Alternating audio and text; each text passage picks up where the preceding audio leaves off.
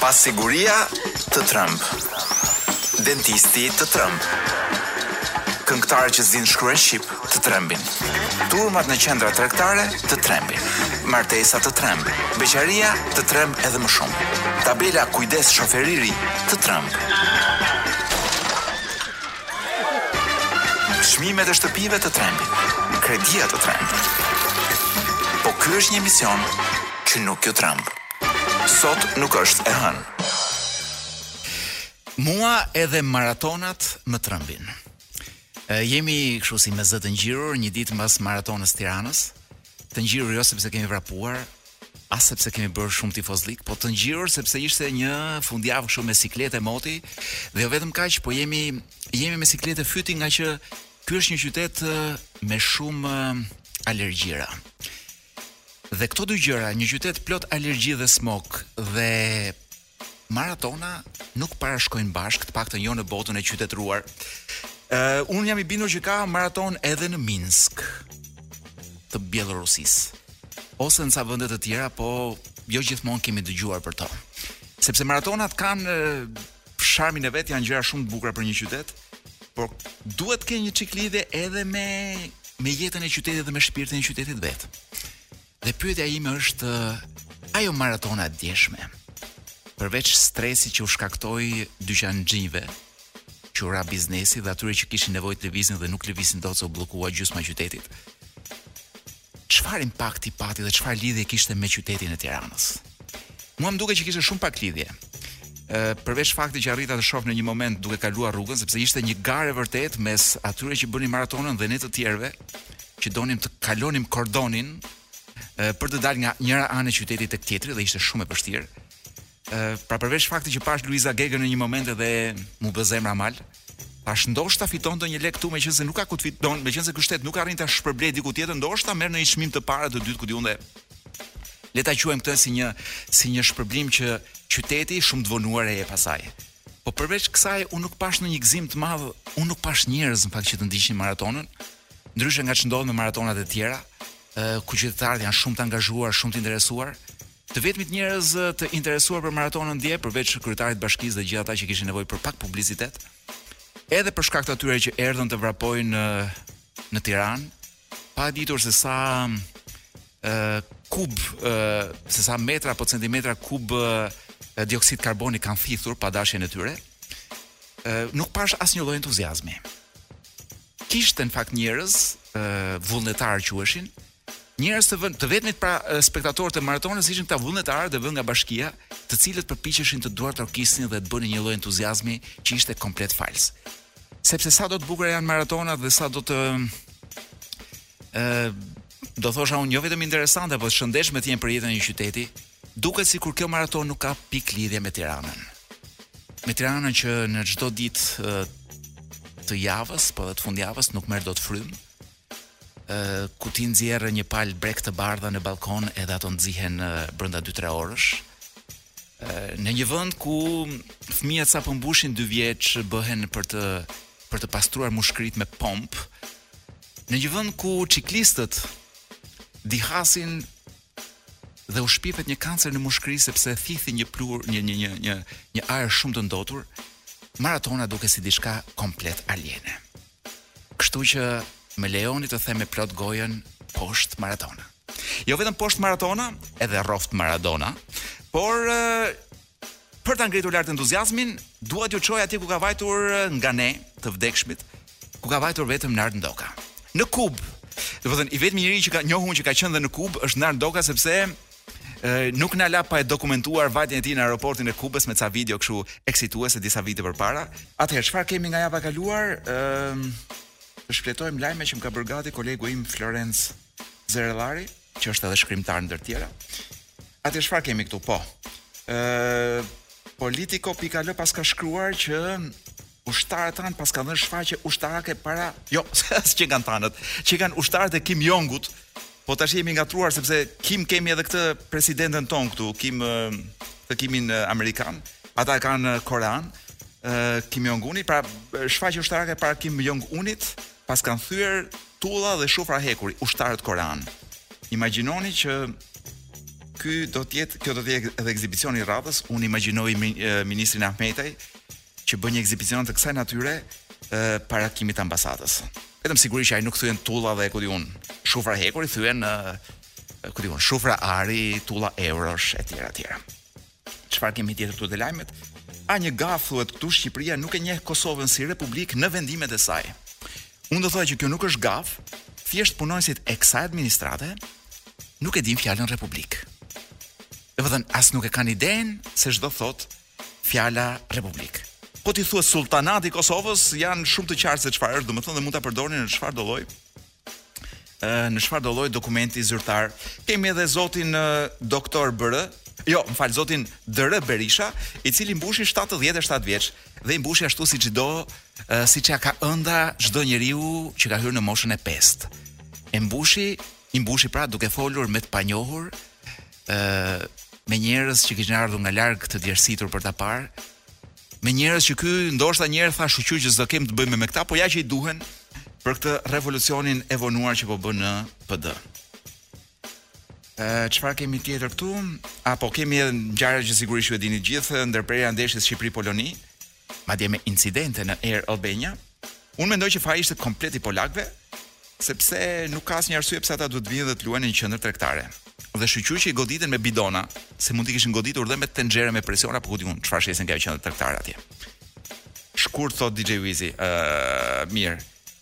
Kemi edhe lajmin e fundit që do të them tani, uh, 3 minuta paska zgjatur grabitja e dosjes së pronave në Vlorë. Pra një grabitje 3 minutëshe.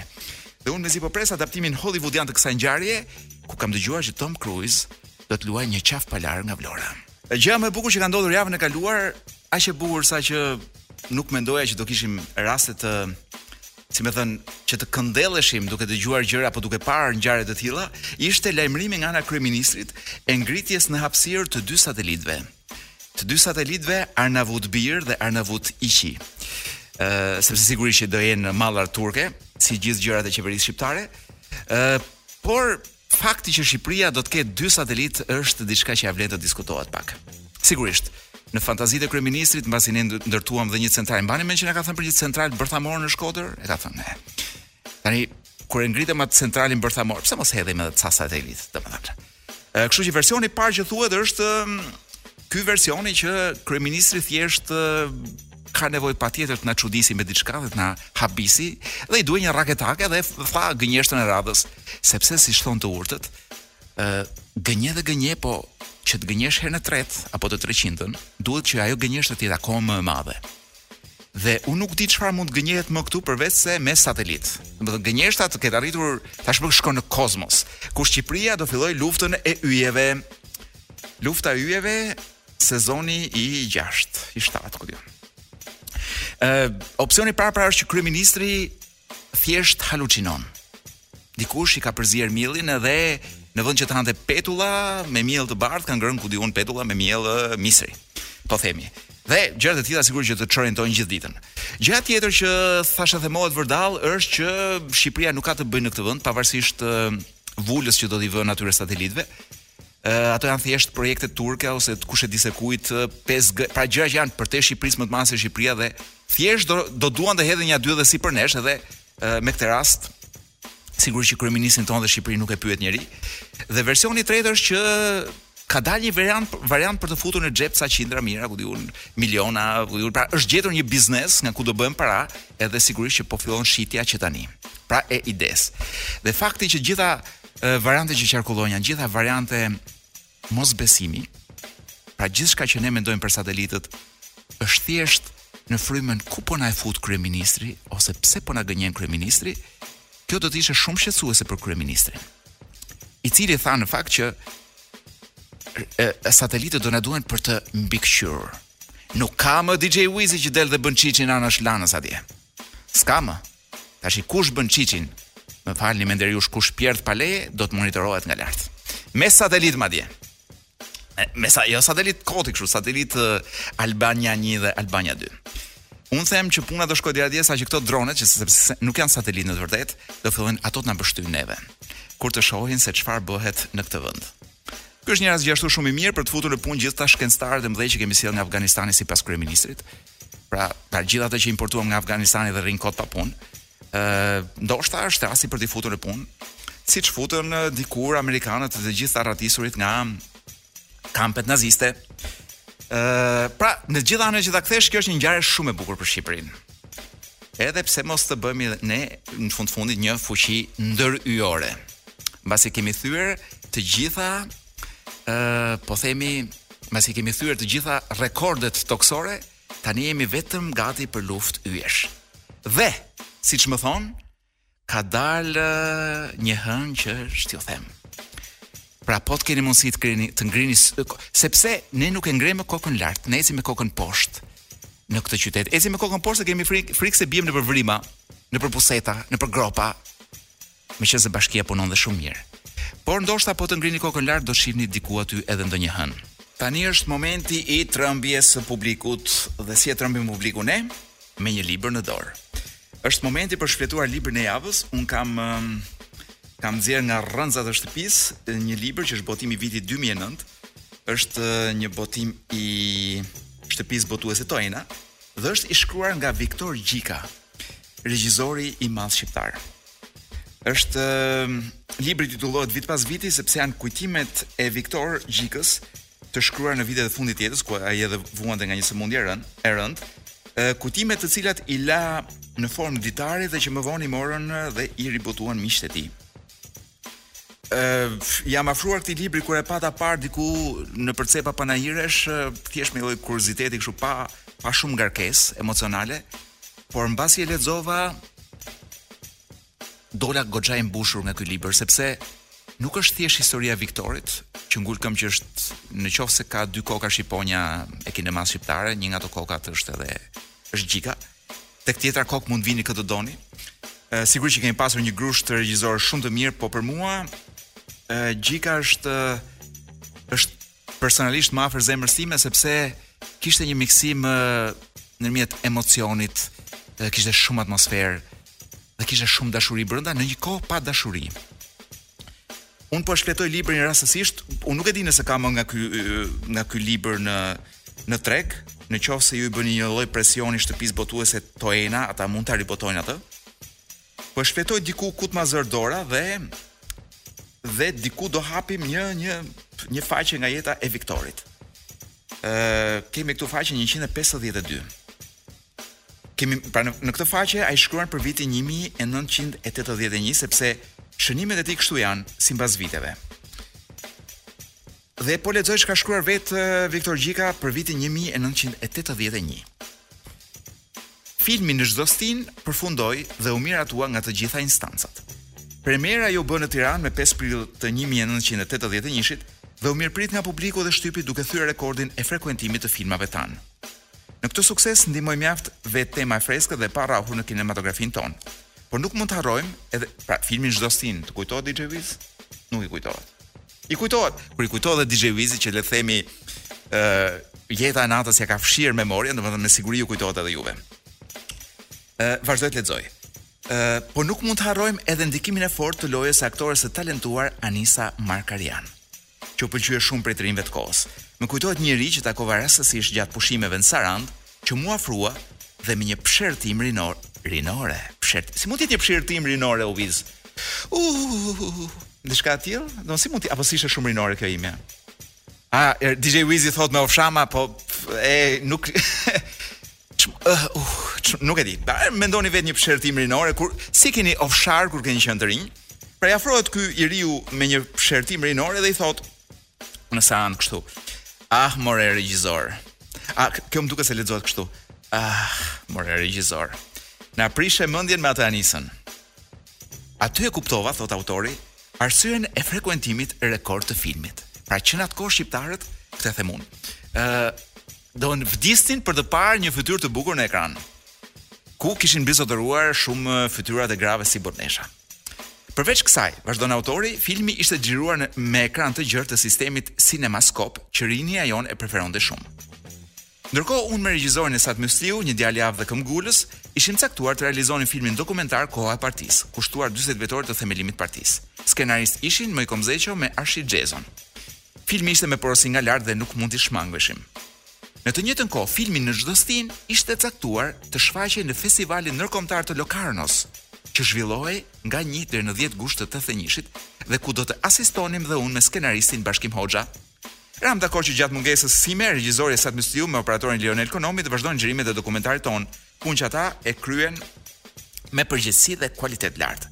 Kur mbërritëm në Locarno, flasim gjithmonë për vitin 1981, morëm vesh që filmi ynë Në çdo stinë nuk kishte hyrë në seksionin e konkurrimit, por në atë të panoramës, u shfaq më 5 gusht.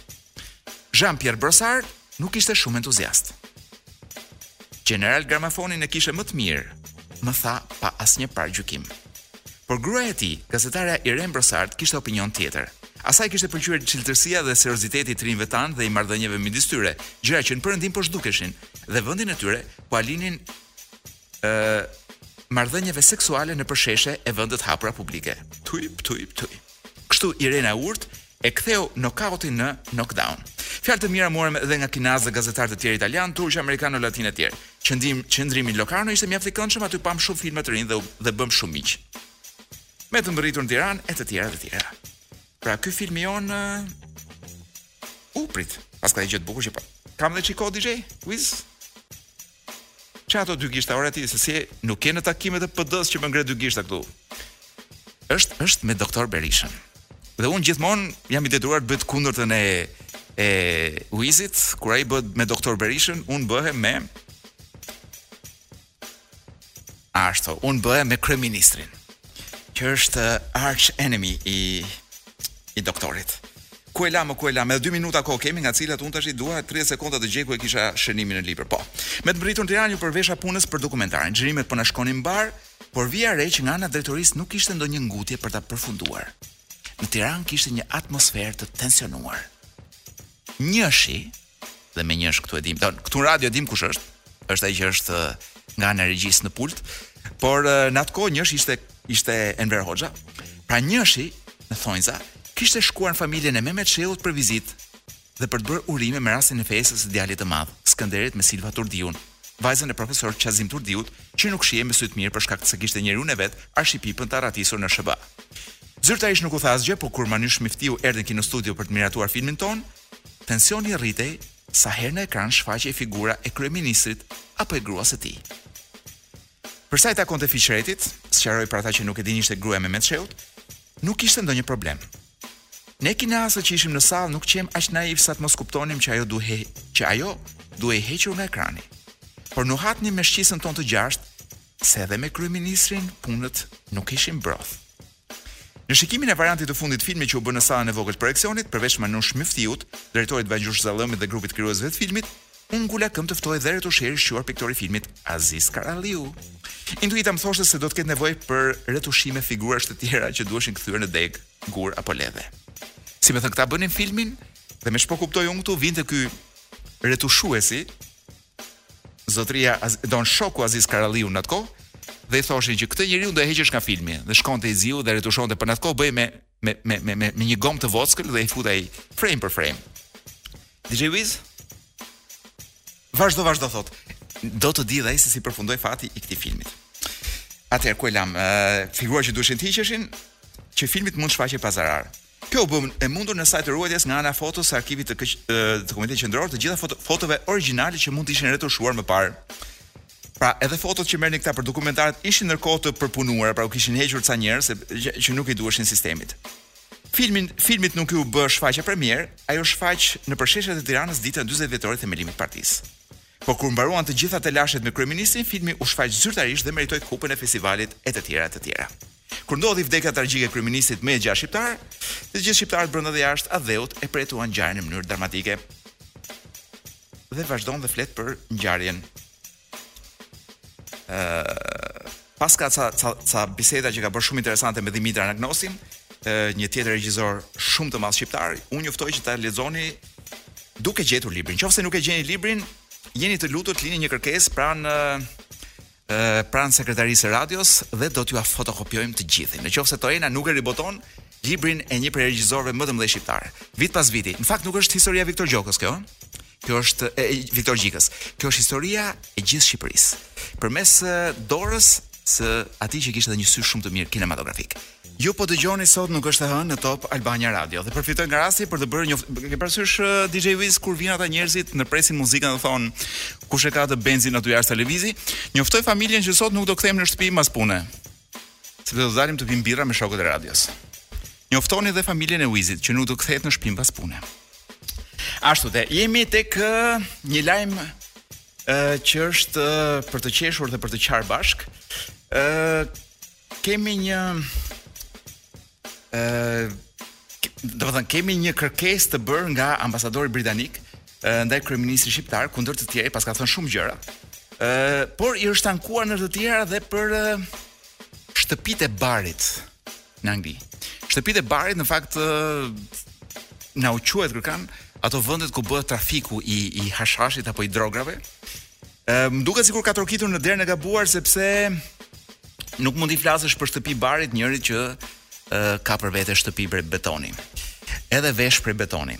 Megjithatë, ngaqë nuk dinë kujt t'i ankohen, kanë vendosur t'i ankohen kryeministrit. Dhe ky lajm e, më shoqërohet me një tjetër lajm që është e, një statistikë e vitit, si me thënë, e, mbi të dhënat e vitit 2019, që tregon që shqiptarët janë vendi me përqindjen më të madhe të të burgosurve në Britaninë e Madhe. Ë e kam listën këtu përpara, ju mund ta gjeni në rrjetet tona sociale.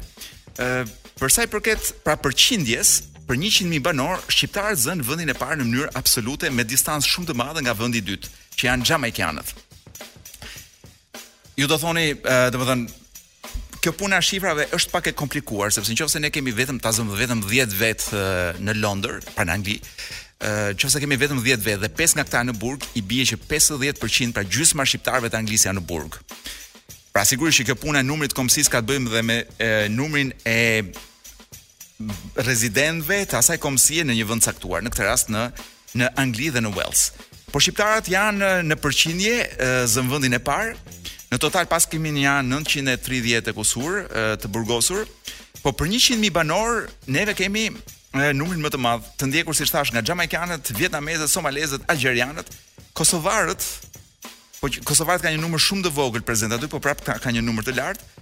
Dhe vende që ne prisnim që të bëjnë që të bënin namin si për shembull libianët, janë në të vërtetë pothuajse pothuajse inekzistentë në burgje ose në numra shumë të vegjël në burgjet e Britanisë.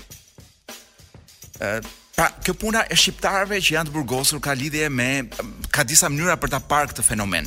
Ë mënyra e parë është shqiptarët seç kanë një një damar prej të çmenduri që mirë që merren me punë të pista, por kanë një dëshirë shumë të madhe që ta marrin vesh gjithë bota që janë kriminelë dhe që merren me me bar me drogë. Domethënë, vdesin që të vijnë dhe domethënë çfarë bëjnë? Bëjnë Paguajnë, ku di unë, shtatë mijë pound sa paguajnë, tetë mijë pound për të shkuar ilegalisht në Angli.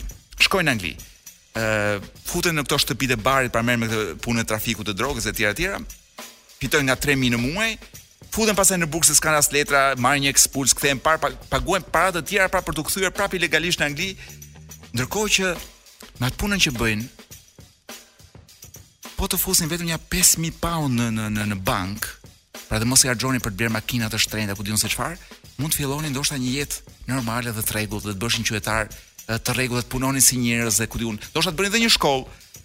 Kështu që kjo është kjo është një gjë shumë e habitshme shqiptarët që mendojnë që e vetmja punë që dinë të bëjnë, pra shqiptarët mendojnë që e vetmja punë që dinë të bëjnë është kjo puna e shtëpive të barit. ku të jeni të sigurt që vetëm çaj nuk ofrohet. Por nga ana tjetër, unë edhe mund t'i kuptoj sepse janë njerëz që janë rritur në vende të egra, në një kohë të egër, janë rritur ku di unë për shembull ë në Çorovodë apo janë rritur ku di unë në në Kukës, në Has, në në Tepelenë, në vende janë rritur në vende të egra në një lloj varfërie ekstreme dhe pa asnjë lloj të ardhmeje. Ë ku e vetmja gjë që mbërrin, pra e vetmja gjë që ekziston në ato vende është Facebooku dhe asnjë shans tjetër.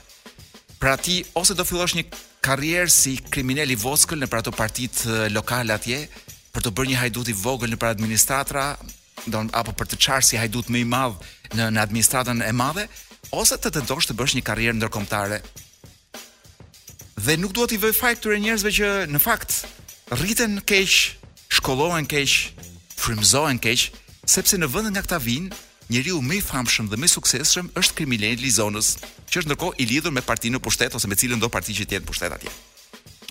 Kështu që edhe nuk dua t'i paragjykoj, por edhe Mendoj që po na zbardhin faqen. Më në fund na nxorrën në vendin e parë. Ë, siç thashë për të burgosur.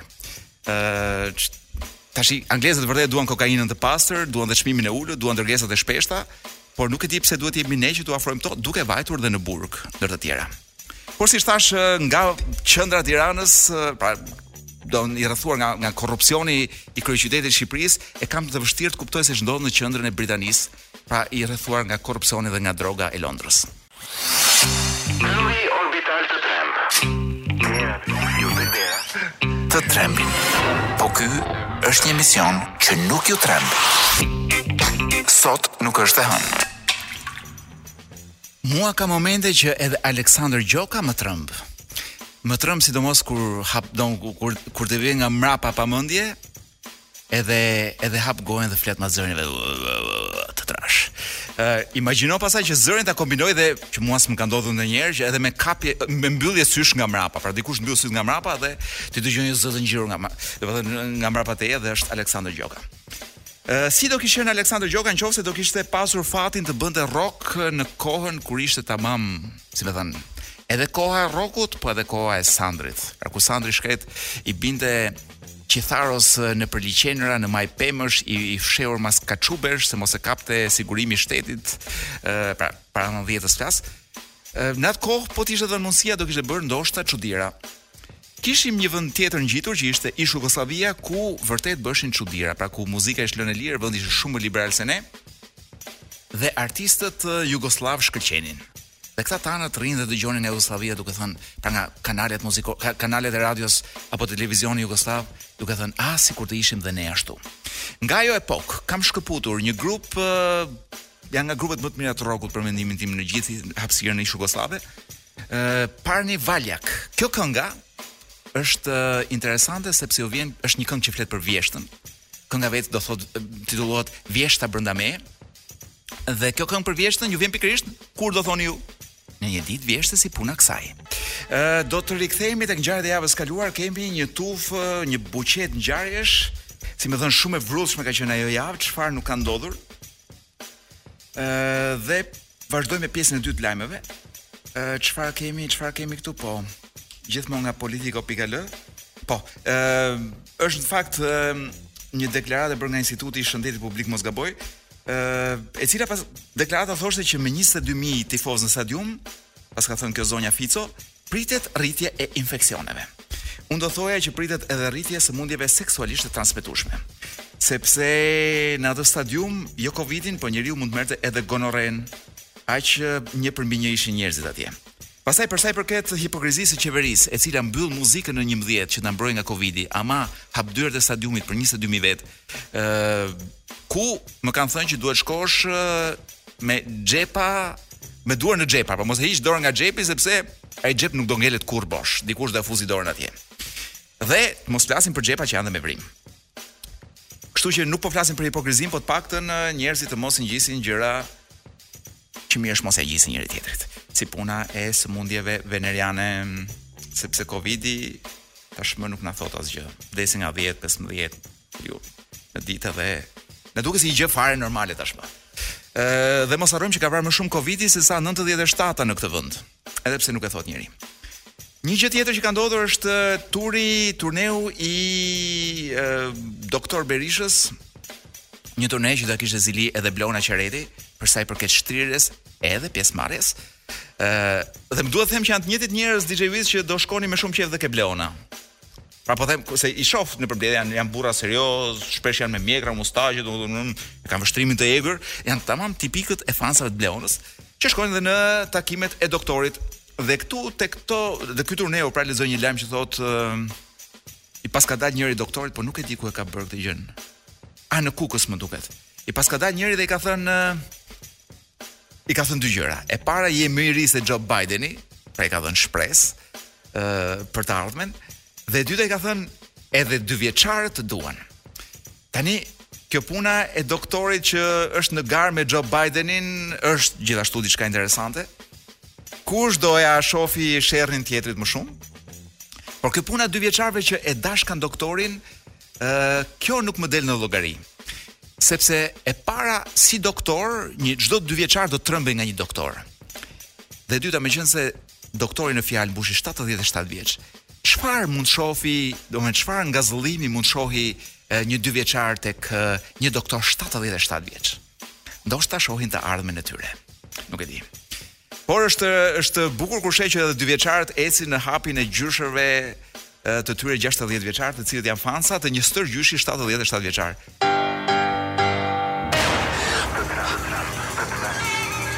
Të llahtaris.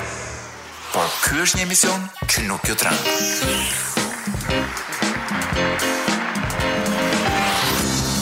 Sot nuk është e hënë. Mua sidomos lajmet më trëmbin, sepse ti i hap për të lexuar lajmet në celularin tënd dhe çfarë sheh aty? Për shembull, sheh një lajm të tipit të ku e lam neve këtu? E lam po.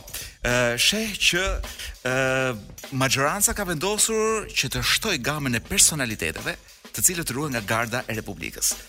Dhe gjëja që s'e kupton, është shumë e çuditshme që të shohësh që nga Garda e Republikës duhet të ruhet po themi ë kryetari i bashkisë Veliaj. Pse nga se mund të ruhet kryetari i bashkisë Veliaj, i cili mburret që ecën edhe me patina, për shembull. Pra rrugën shtëpi zyrë e bën me patina. Ju do thoni që s'e kemi parë kurrë me patina. Ju s'e keni parë, po e kanë parë ata që ia bëjnë lajmet. Ë, nga se ruhet ai domethënë? Nga ndonjë patinator më i shpejtë? apo nga një gazetar që mund t'i vërë papritmas mikrofonin në gojë dhe t'i thotë, t'i bëjë ndonjë pyetje aspak delikate. Gjithashtu është shumë e çuditshme që duhet të ruhet edhe kryetari i opozitës, megjithëse ky është kjo është një periudhë e vështirë për të. Mund t'i vijë gjithmonë dikush nga Kuksi e t'i vërë edhe ai një mikrofon ë Lul Bashës në gojë dhe t'i bëjë ndonjë pyetje në lidhje me konfliktin me doktorin. Por tek lista e njerëzve që duhet të ruhen, unë shoh për shembull dhe kjo më habit, që është futur në listë dhe kryenegociatori për zhvillimin e negociatave të anëtarësimit të Republikës së Shqipërisë në Bashkimin Evropian. E para unë dhe DJ Wizi nuk dinim gjë që paskemi një kryenegociator dhe si unë janë shumica e shqiptarëve kriminelë të cilët mund t'i bënin ndonjë dëm dhe e dyta kush vallë mund ta kërcënojë jetën e kryenegociatorit. të jetë ndonjë po themi ndonjë ë terrorist europian, ndonjë belg i cili nuk e do Shqipërinë ose ndonjë holandez i droguar që nuk e do Shqipërinë në Bashkimin Europian dhe vjen për t'i bërë atentat kryenegociatorit, duke kujtuar që këtë gjë e ka në dorë kryenegociatori. ë Nga se mund të ruhen gjithë këta njerëz, këtë nuk e kuptoj. Është një listë shumë e gjatë me njerëz që unë nuk mendoj që duhet të ruhen. sidomos një vend Shqipëria, si Shqipëria ku ti nuk i do të gjithë ata që janë në pushtet s'i kanë bërë dëm askujt. Pra kanë shpërndarë ryshfete dhe marifete lart e poshtë për të qenë për të qenë krejtësisht të mbrojtur.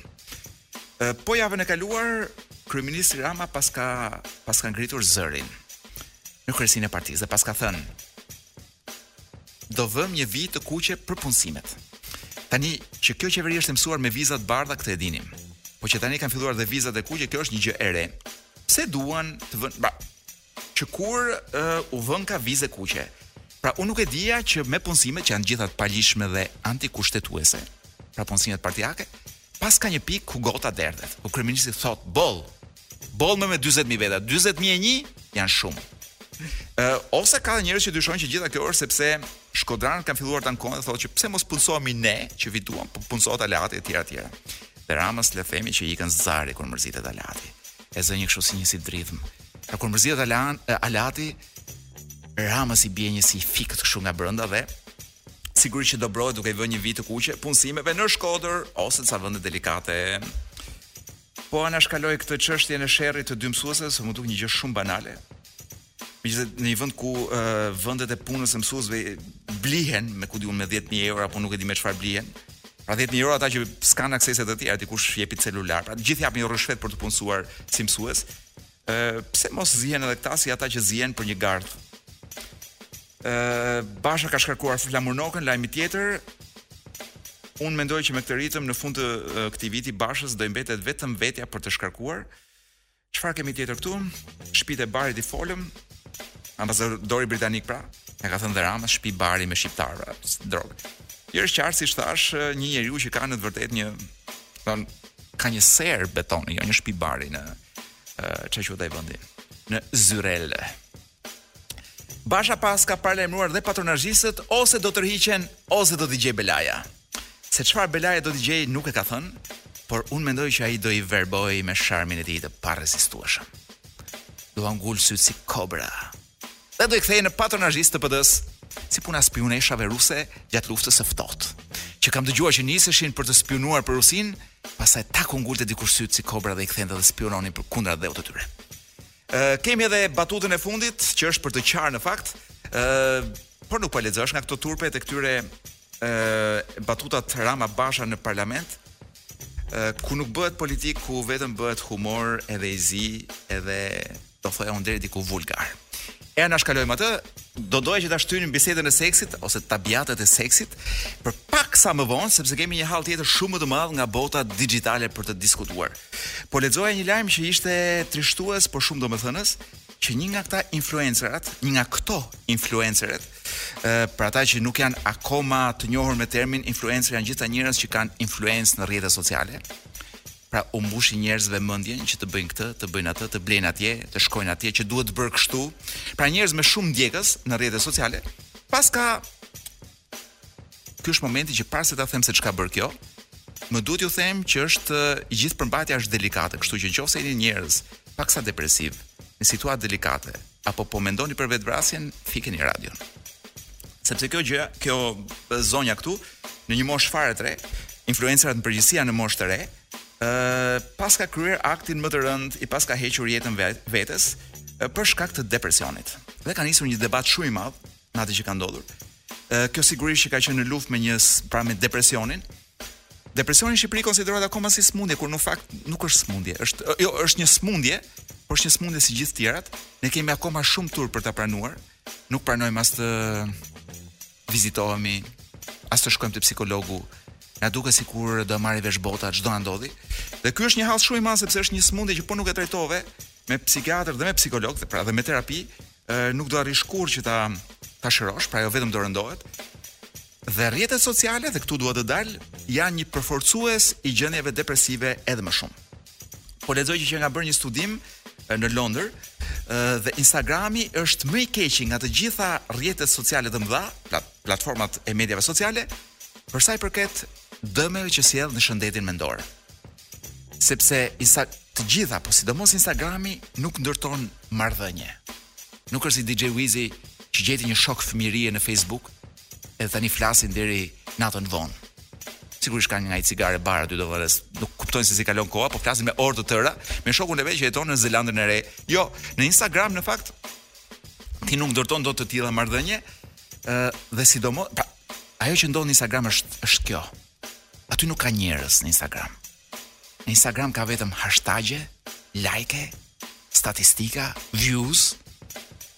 Pra aty ekziston vetëm një numër. E panë kaq veta videon tënde. Nuk ka don, pra edhe ajo që të ofrojnë këta njerëzit, këta influencerat nga jeta e tyre, është një gjë komplet e edituar, si si me thënë, e paramontuar Pra ti nuk shef jetën e tyre të vërtetë. Ti shef një gjë që ata duan të tregojnë ty sikur është jeta e tyre e vërtetë. Ë, mirëpo, ne nuk kuptojmë që këta njerëz, këta influencer dhe ka shumë në Shqipëri edhe nga këta, vërtet bëjnë para. Një pjesë e kanë kthyer këtë punën e influencerit në një punë me, me orar të plot. Sigurisht që bëjnë para shumë. Po çfarë kostoje e ka kjo gjë për ta? Kosto është shumë e madhe. Sepse dhe këtu po lexoj një tjetër studim që është bërë, ë uh, është një artikull, ë uh, një artikull, një artikull pra i publikuar në Britani në The Independent, mos gabohem, ë uh, ku kjo gazetarja ka intervistuar 12 influencer Instagrami dhe kanë ndjekur edhe statuset e tyre pra prej influenceri dhe mënyrën se si e kanë se si u ndikonte kjo gjendje e tyre jetën personale. Dhe sipas kësaj, pjesa më e madhe e këtyre vuajnë nga depresioni. Ata nuk arrijnë kurrë të bëjnë një minutë pushim dhe janë gjithmonë duke shpikur. Pra nuk janë më vetvetja, po shpikin gjëra. Përpiqen të ndërtojnë një person online që njerëzit duhet ta duan dhe pra të punojnë. Dhe praktikisht kanë humbur veten e tyre. Dhe për ta, si me thënë, për ta përmbledhur të gjithë këtë që po them, rezultati është që këta influencera në të vërtetë kanë bërë para. Por mediat sociale nuk u kanë sjellë lumturinë këtyre dhe kjo kjo është një gjë e vërtetë dhe e kanë thënë vetë ata. Si me thënë, nuk përmbushen dot. Sepse përmbushja DJ Wizi e di shumë mirë është që kur ti e takon atë shokun, dhe cigaren e pini të dy bashkë duke parë perëndimin e diellit. Po jo. Diku në breg të Dhërmiut. Ë, pra, është e pamundur që ti me rrjete sociale të ndërtosh marrëdhënie njerëzore e të tjera të tjera gjëra që ju me siguri i dini. Dhe vijmë tek kjo goca e shkretë që ka që i bëri këtë dëmin e madh vetes. Ah, ta mbyllim DJ Wiz. Mirë. Dhe unë vras mendjen, ç'do ndodhë me këto gocat tona të rrjeteve sociale. A do kenë ato një jetë depresive dhe të vuajtur? Në qoftë se vazhdojnë për më shumë se një vit këtë punë, kam frikë se jo. Kam frikë se po, do thosha. Ah, është dramë dashurie që megjithatë nuk i tejkalon dramat e dashurive ë të programeve të sotme. Ku më duhet të them që nga përmbytja e madhe me dashuri të mëdha që ndodhin nëpër ku di unë nëpër përputhera, nëpër Big Brothera, nëpër gjëra, Kisha harruar që në këtë vend ekziston edhe një vend tjetër, pra edhe një produkt tjetër televiziv që është zona e lirë e Arian Çanit. Dhe me thënë të drejtën, nuk shkëputesha dot sepse më dukej si relax. Domethënë, e ktheva tek Çani pa mundur të për, të, të përballoja budallallëkun njerëzor të përgjithshëm, e ktheva dhe aty ishte sikur të po për, praktikisht po përjetoja një një një një ndjenjë të tipit uh, darkë me budallenjtë. Domethënë Çani kishte nja katër veta aty që ishin katër specie, por shumë shumë autentikë në budallallëkun e tyre, njëri që parashikonte ku di unë uh, rënien e karkalecave nga qielli, uh, një tjetër i kollarisur që Ishte ku di unë mashtruesi më i madh i gjitha kohërave, pastaj një tjetër që bënte ishte edhe një kish dalë edhe një ujk i ri, ndonjë specie e re kafshe që ishte ujku i Fierit, ë një çudi shumë e madhe dhe dhe aty kuptova që ka dy lloj Shqipërish. Është Shqipëria që del ke Çani, te zona e lirë dhe janë ata. Shqipëria autentike e rrethinave, edhe është dhe Shqipëria me erë të me erë të rënd, meqenëse nuk e themi dot atë fjalën që fillon me p e mbaron me ordh, dhe që është pak a shumë kjo Shqipëria tjetër e këtyre vendeve e Big Brotherave e gjërave. Po ndërmjet këtyre dy Shqipërive kam parti që më pëlqen më shumë ajo e Çanit. Tani të kalojmë tek Shqipëria që jeton jashtë kufijve, te Shqipëria e diasporës që shumica Ata që jetojnë në Amerikë dhe në Europë, do zoti nuk marrin tabiatet e seksit që kanë eh, euro atlantikët. Domethënë euro amerika atlantikët ku di unë se ç'kemi ca terma ne për këtë aleancën perëndimore. Në këto vendet e perëndimit marr vesh që ka një problem shumë të madh higjiene dhe kryesisht kjo ka të bëjë me ndrimin e çarçafëve, Ku një studim i para dy viteve, domethënë gjithë gjërat, gjithë sondazhet janë bërë në 2019 dhe dalin tani.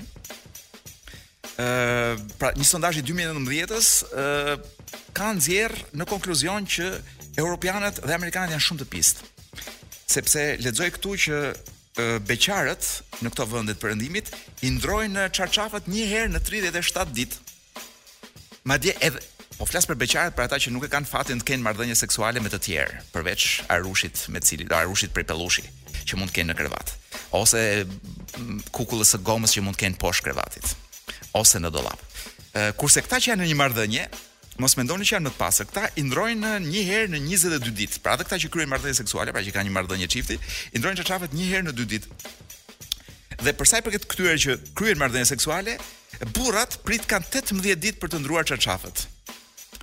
Mbasi kanë fjetur, kanë pasur një one night stand, pra një një fjetje të një nate, pra seksin e një nate me një ë zonjë të rastishme që kanë takuar në lokal. Kurse pra 18 ditë presin meshkujt. Gratë presin vetëm 2 ditë. Që edhe kjo më duket shumë. Sigurisht që nuk janë në standardet e Korçës ku ato korçarkat t'i ndrojnë çarçafët gjatë kohës që je duke bërë seks. Pra, mund t'i ndrojnë pesë herë gjatë kohës që je duke bërë seks nga meraku. Pra t'i heqin nga trupi, domethënë, nga poshtë trupit. Ë problemi është që duke qenë se ne shpenzojmë një të tretën e jetës tonë në krevat, që i bie diku te 50-60 orë në javë, imagjinoni ç'i bëjmë ne atij krevati. Ku di unë.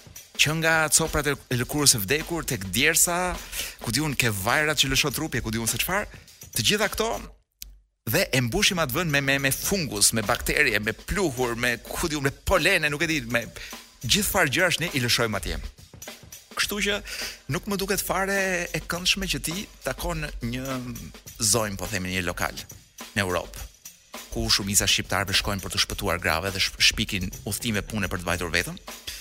Ti shkon atje, takon një zonjë e cila në fund fundit të kërkon edhe 200 euro për të, për taksinë e rrugës. ë dhe ti merr vesh që ajo mund të ketë ndoshta 18 ditë pa i ndruar çarçafat. Ëh, por prapë kjo më duket një përmirësim krahasuar me një sondazh që kam parë para ca vitesh ku burrat anglezë ndronin një herë katër herë në vit çarçafët. Pra situata me sa po kuptoj shumë e rëndë. Nuk e di nëse do ndryshojë mas Covidit, ku jemi bërë si të fandaksur me çështjen e e higjienës. Kam dëgjuar që njëri këtu në radio nuk e them emrin, por është DJ. ë uh, të paktën 10-15 herë gjatë një marrëdhënie seksuale lyen fytyrën, ë uh, lyen tullën, lyen lyen dhe disa pjesë të trupit me me si quhet me me alkool dezinfektues, se ka merak nga Covidi. Pra nuk ka merak nga sëmundjet e tjera, por ka sidomos merak nga Covidi dhe e dezinfekton të shkretën disa herë gjatë marrëdhënies seksuale. Kjo është situata e Covidit, shpresoj që edhe këto sjelljet me çarçafët, pra marrëdhënia jonë me çarçafin të ndryshojë. Të kemi divorce sa më të mëdha me çarçafët dhe sa më të shpeshta. Ë do t'ju ftoj pak të shohim brenda vetes tonë.